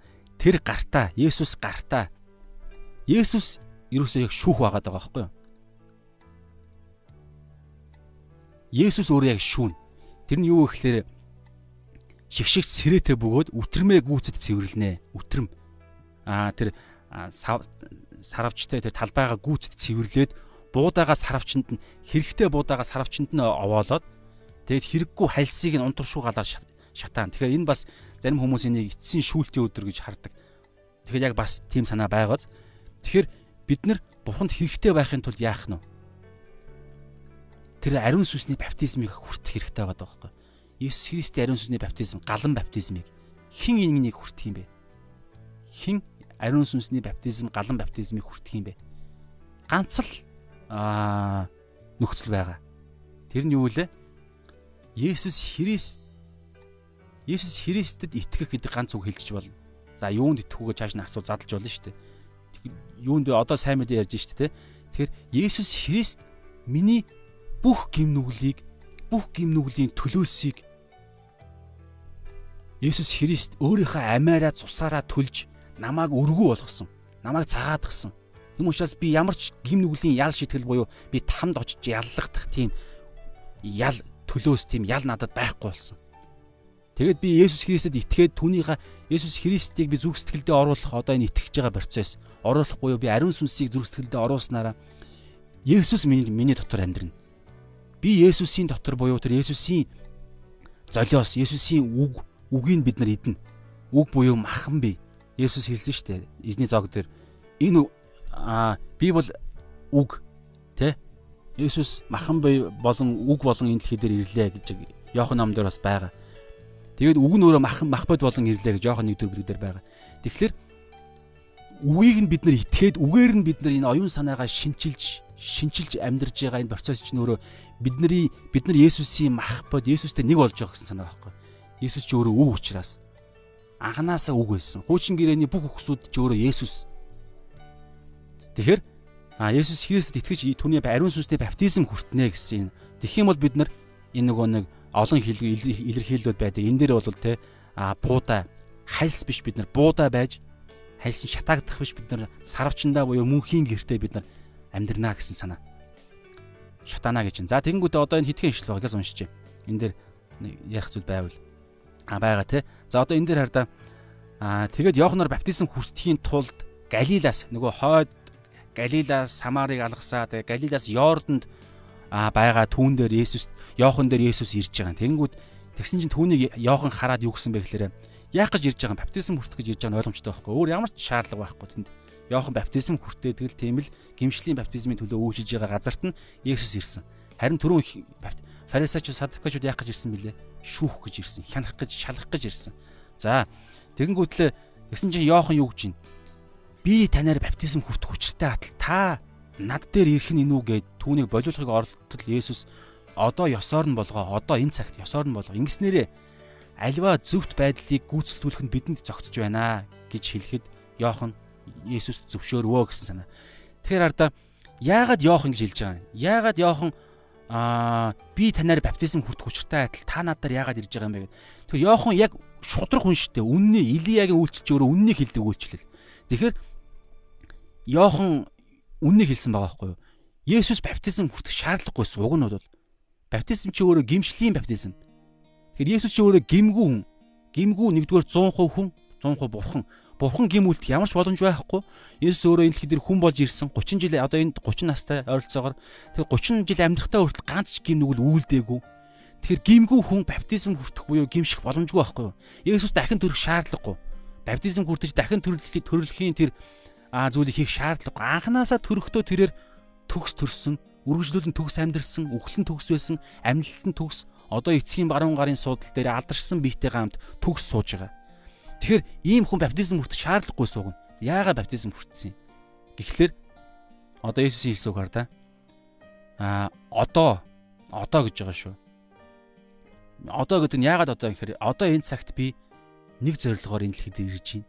Би энэ цагт мах бодийн та нартай адилхан хүний дүрд энэ дэлхий дээр би байгаа.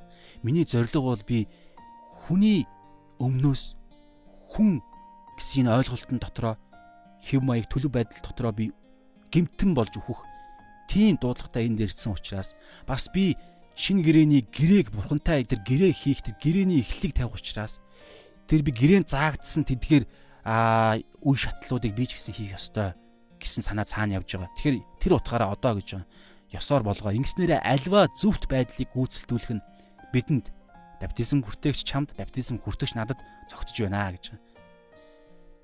Тэгээ Есүс баптизм хүртсэн. За тэгээ бас нэг энд бол бас нэг санаж байгаа зүйл нь юу гэхээр энийг бас би бас нэг нэг газараас уншсан санагдаж байна. Тэр нь юу гэхээр а Есүсийн энэ баптизм хүртсэн хэд хэдэн зоригтой байсан гэнэ л дээ.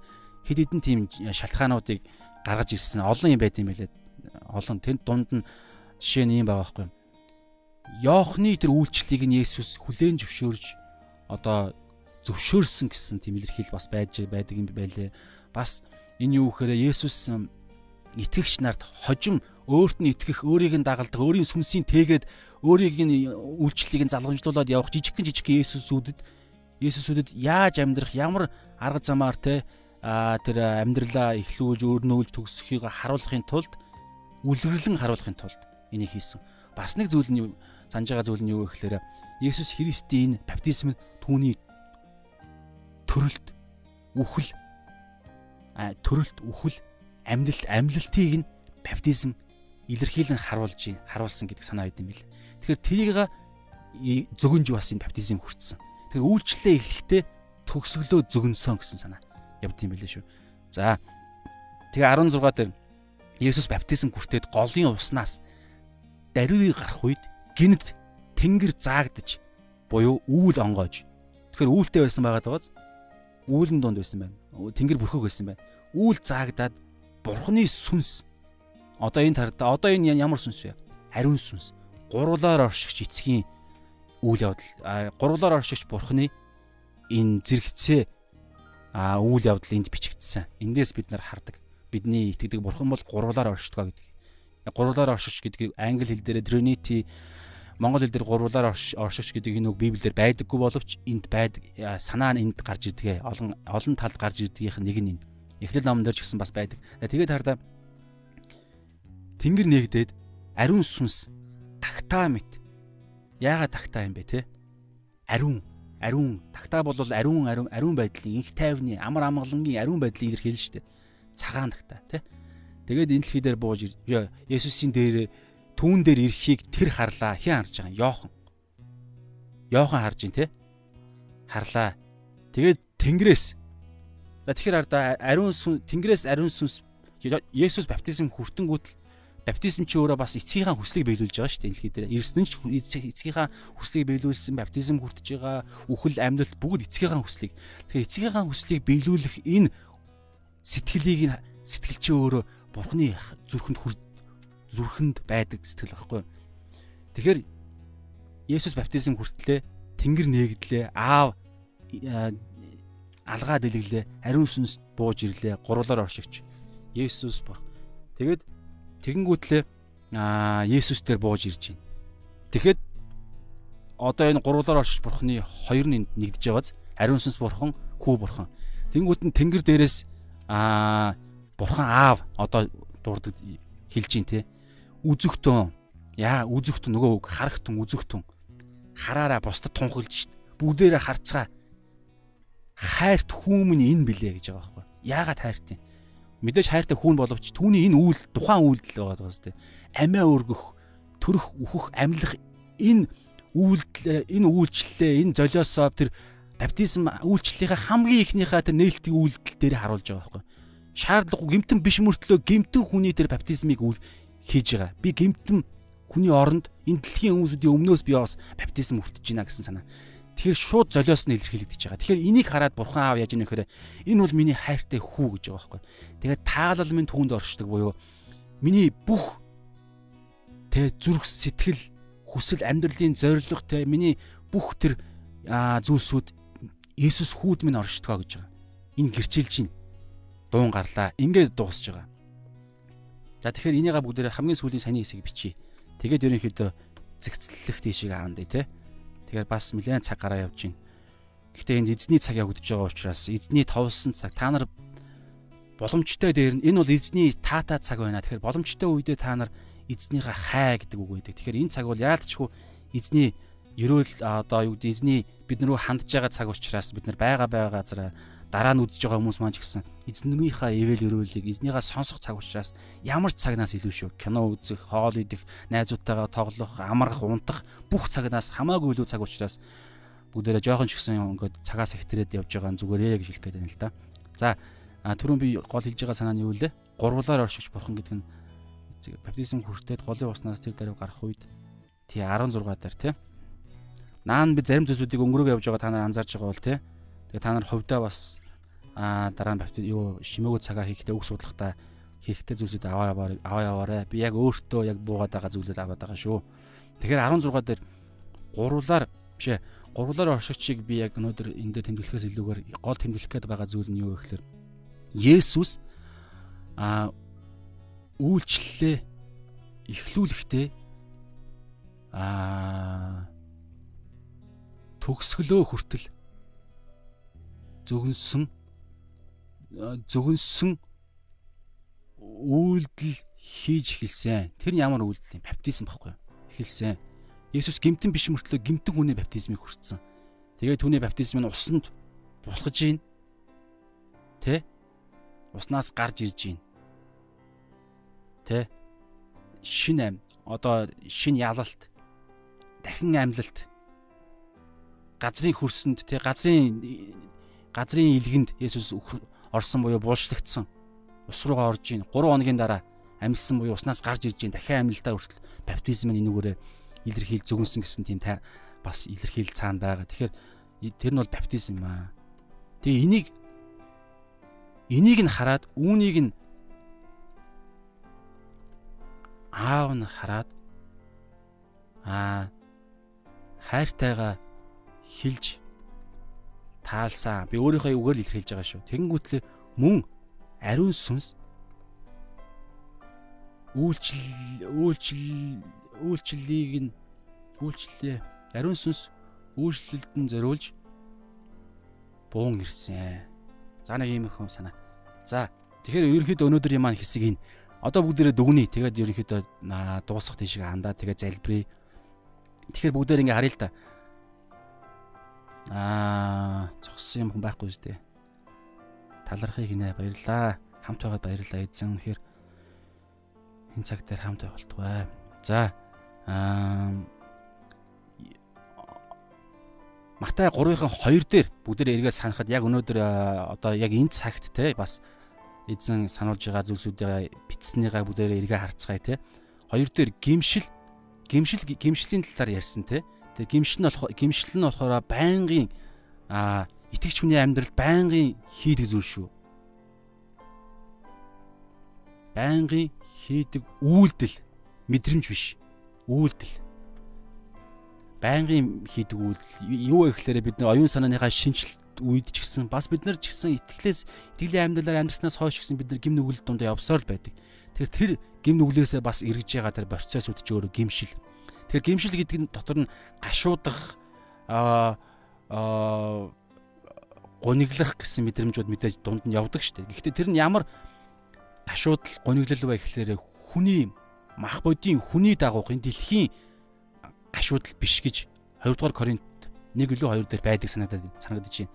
Тэрийг та бас хайгаад олоорой те. Харин бурхнаас ирж байгаа гашуудал нь болохоор бид нарт гимшлийг бий болгодог гэсэн үг байт юм лээ. Тэнгүүтээ үхлийнх өлөө хүний ах бодийн дэлхийн гамшил нь болохоор гашуудал нь болохоор юу бий болгодог гэхээр гимшил биш. Үхлий гэж байгаа байхгүй. Үхлийг.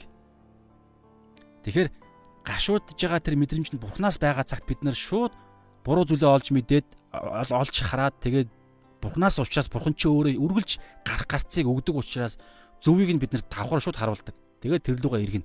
Харин дэлхийгаас энэ дэлхийгаас газрын хүний мах бодийн гашууд нь яадаг вэ гэхээр буруугаа олж харлаа. Бурхнаас биш учраас сатан үгээ хэллээ. Ээ чи өстө хөгийн амтан. Чи ийм байж ээж, тийм байж ээж. Чамаа ингэж тахад, тэгээд тахад чи ингэж байгаа юм уу? Чи тэгээч ингэ одоо чи тэг явж байгаад янз бүрийн зүйлсүүд хийдэг нь. Цулаан цулаанаа бойлч юм уу тэг ин гэлээ дахиад гимээ үйлдмэл чи угаасаа чадахгүй матахгүй янз бүрийн зүйлсүүдийг хилдэг. Тэгээ энэ дундаа хамгийн туйлынх нь бол амиа орол гэдэг шүү дээ. Одоо ч юух гээд. Энэ Библиэлд 2 дугаар Коринт байд 2 дугаар Коринт дээр байдаг санагдаад байна. Аа За би дараагийнх дээр сануул олоо тавья. Тэгээд энэ дэлхийн мах бодийн дэлхийн гашуудл нь болохоор яадаг вэ гэхээр үхлийг бий болгодог. Тийм учраас энэ бид нар бурхнаас ирж байгаа бурханлаг тэр эргэж байгаа үйлдэл учраас энэ бол бидний амьдрал байн болно шүү идэх шахан дүүснэр минь. Байн болно. Тэгэхээр энийгээ бид нар үргэлж гим үйлдэх болгондоо, унах болгондоо, буруу юм хийх болгондоо үргэлж зөв рүүгээ иргэн. Гим үйлдэх болгондоо хаашаа ирэх юм? Есүсийн нэгүсэл рүүгээ иргэн шүү дээ. Есүс рүүгээ иргэн. А буруу зүйл хийх хийх үйлдэл хийх үед яах вэ гэхээр буруугаа ойлгож хараад тэгээ дараа нь тэрийг зөвөр үлдэнэ л гэсэн ийм эрхчлөө бидэнд байгаа байхгүй. За тэгэхээр бүгдээр хамтдаа яах вэ? Энэ амьдралаараа үргэлжлүүлэн амьдарцгаая гэж залбирая. За тэгэнгүүтлээ дараагаар нь Йоохны маш шудрагтай а шудраг тэгээд тэрээр маш энгийн амьдралтай хүн байсан гэдгийг бүгдээр ярьсан шүү дээ. Тэгэхээр энийг бас бүгдээрээ бодоод 2 дахь 2 дугаарт нь залбирая. За 3 дугаарт нь бас дахиад байгаа юм. За би ингээд яач зүгээр. Энийг энүүгээр бүгдээрээ залбирна. Энүүгээр залбирна. За энэ дээр болохоор гимшил байнгын үйлдэл энүүгээр залбирна. Ингээ гурван бүгдээрээ залбирлын сэдв гаргаж ирлээ. За энэ гурав дахь нь юу вэ гэхээр сайн үр жимс гаргахгүй мод галд хаягдана. А биш энэ юм байна. Ариун сүнс ба галаар баптизм хүртээ. А ийм дахиад нэг юм би бичиж. Энийг а ариун сүнсээр л бид сайн үр жимс гаргаж чаднаа. За ингэ чи энийг нь харлуулнаа. Энэ яг өмнөх тайлбар хэсэг учраас. За ингээ гурав дахь юу залбирлана. За тэгээд хоошоо бүгдээ ингээ явах болохоор За энэ ингээ ариун сүнснийхэн талаар ингээ тайлбарлсан. За Есүсийн тал дээр Есүс үйлчлэлээ эхлэхдээ төгсгөлөө хүртэл зүгэнсөн. Тэгэхээр энэ дэр үүнийг нь аав нь хараад хайртайгаа хэлсэн гэдэг дээр үүдээр залбирая. Мөн ариун сүнс үйлчлэлд нь орж исэн. За энэ хоёр дээр За энэ дээр нь залбирая. За ингээ дөрөв дэх залбирал. За энийг бүр тав болгох чи эн чинь бас нэг залбирал. Би яг жоохон цаг хэмнэх утгаараа ингээд бас зарим зүйлсүүд багасгаад байгаа шүү. Түүнээсээр бүхэл бүтэн бүлгээс асар их ухаарах, залбирах эзний бидний оюун санааг шинчлэх зүйл байгаад байгаа учраас аа өнөөдөр бүгд хамтдаа энэ таван зүйлээ залбирая. За тэгээд дахиад хэлье. Эхнийх нь юу вэ? Байнгын гимшилсэн амьдралаар амьдрья гэж бод ингээд хэлэнгүүт шууд буруу ойлгох магадaltaй хүмүүс зөв ойлголт мэдээлэлгүй хүмүүс яах вэ гэхээр Есүс бидний гин нүглийг юулаа цайруулсан байхад би яагаад гимших гимших шаардлагатай нэгдүгээр хоёрдугаар аа тэгээд гим нүглээ үйлцэл байх юм уу гэдэг юм уу янз бүрийн байдал. Гэтэл энэ энэ гимшил гэдэг ойлголт нь юу гэхээр үйл замаасаа эргэх. Тэгэхээр энэ үгийг бараг цөмөрийн арталт нь гол юм нь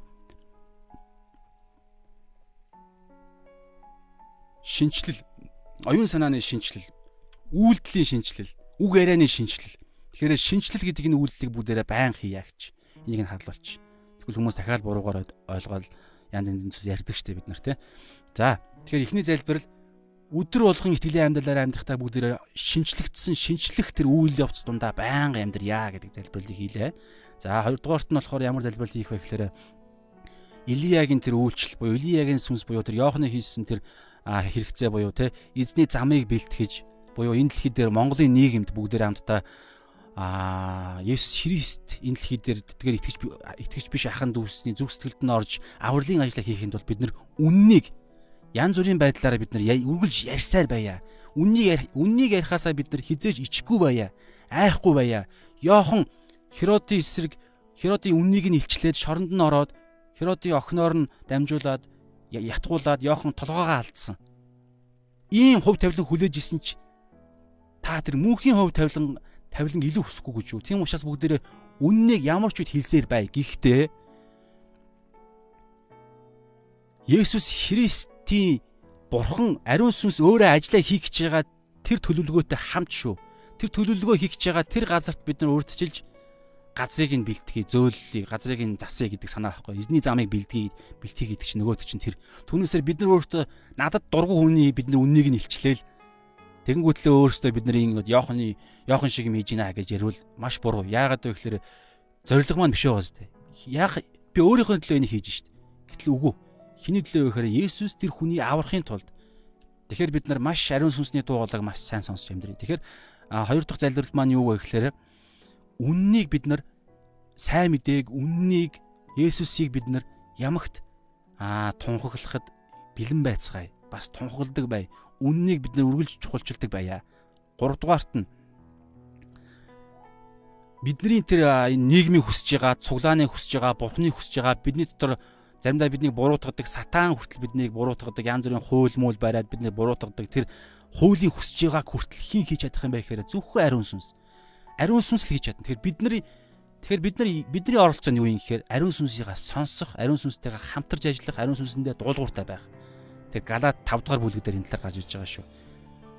Галаад 5-ын 22-оос өмнөх хэсэг дээр нь мах бодийн үүс гарч ирж байгаа. Тэрийг олж мэдээд тэрийг бид нар хянах, тэндээсээ эргэх, ариун сүнсний үүс рүү эргэхийн тулд ариун сүнсээ сонсно гэдэг юм яригдана. За тэгээд дөрөвдүгээрт нь болохоор Бурхан аавдаа таалагдахын тулд амьдардаг байя Есүс Есүс энэ дэлхий дээр ирэхдээ Бурхан Аавынхаа төлөвлөгөөний төлөө түүний хүслийг гүйцэтгэхийн тулд ирсэн. Тийм учраас Бурхан түүнийг өндөр дүгэмжилж Филиппо 2 дугаар бүлэг дээр байдагчлан түүнийг илүү өндөрт алдар нэрийг түүнд өгсөн гэж байгаа.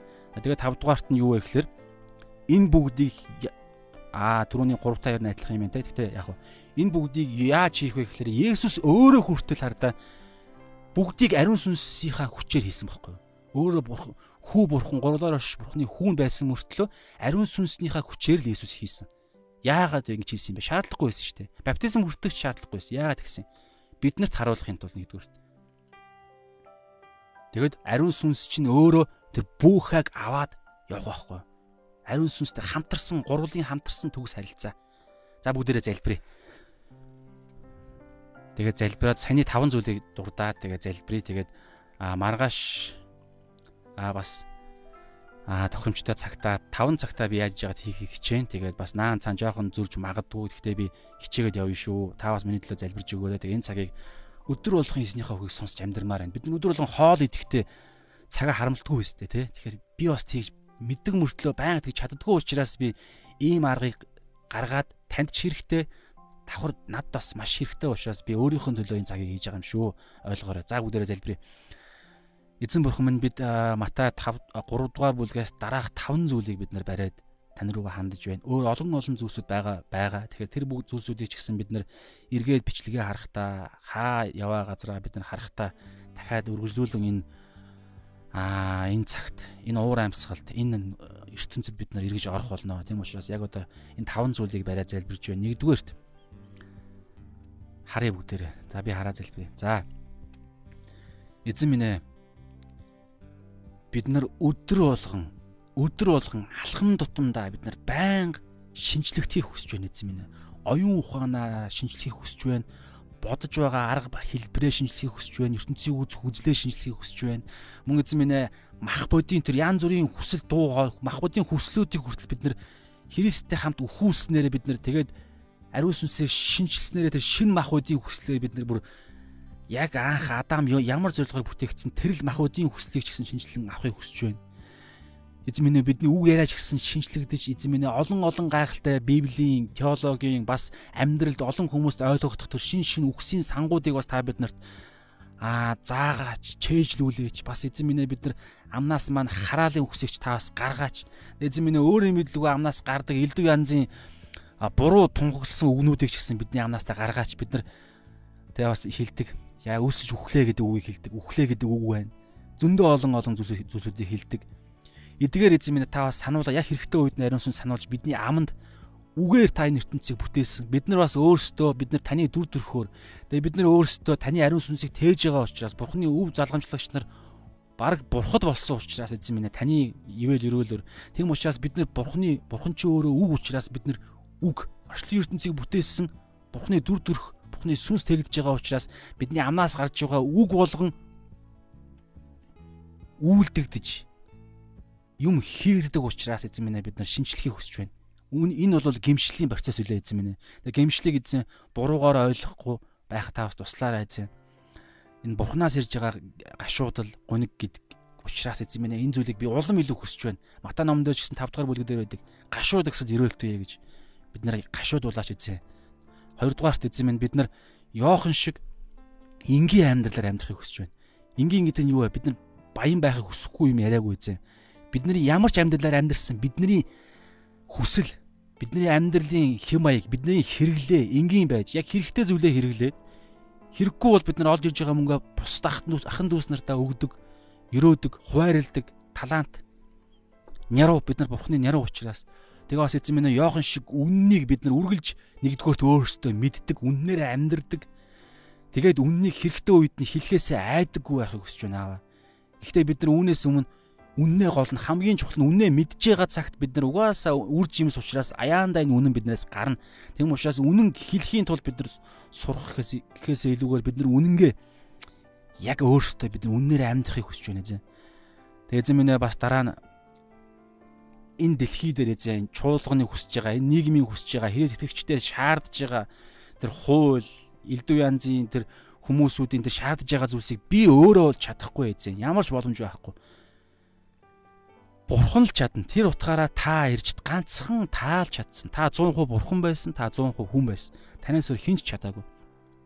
Тийм учраас ганц бидэнд байгаа боломж бол ариун сүнс.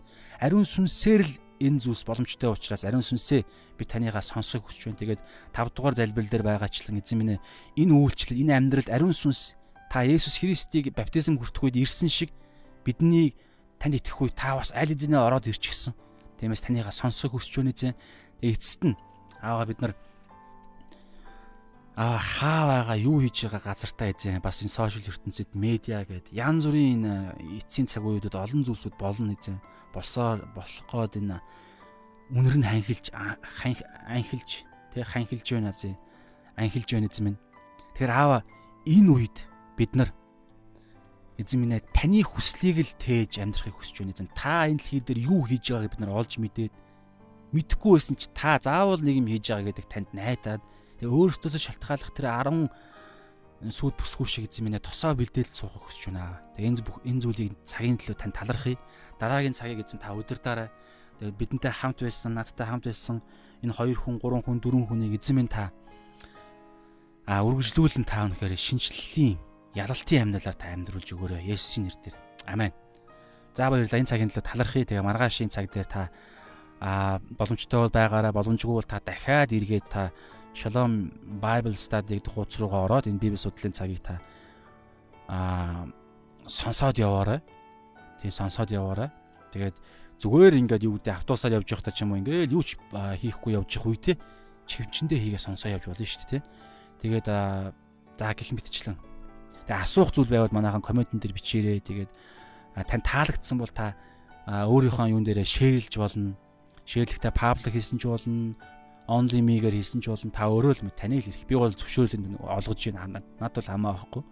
Эзний үгийг тунхилж байгаа учраас тэгээд бусад хүмүүсүүдийг та бас гоё меншн хийж тааглаж болно, меншн хийж болно. Тэг хэрэгтэй сонсоосоо гэсэн хүмүүс байгаа бол Тэгээ та лайк дараа дараа дараасаа гэж хүсэж чинь таалагдж байгаа бол зүрх дараарай. Комент хэсэгт таваас энэ хэсэг дээр саний яригдаагүй зүйлсүүдээс таваас ухаарсан зүйл байгаа бол та комент хэсэгт таваас бичээрэй. Тэгээд бүх зүйлийг эзэн дээр даатгаад энэ цагийг өндөрлөё. За шалом.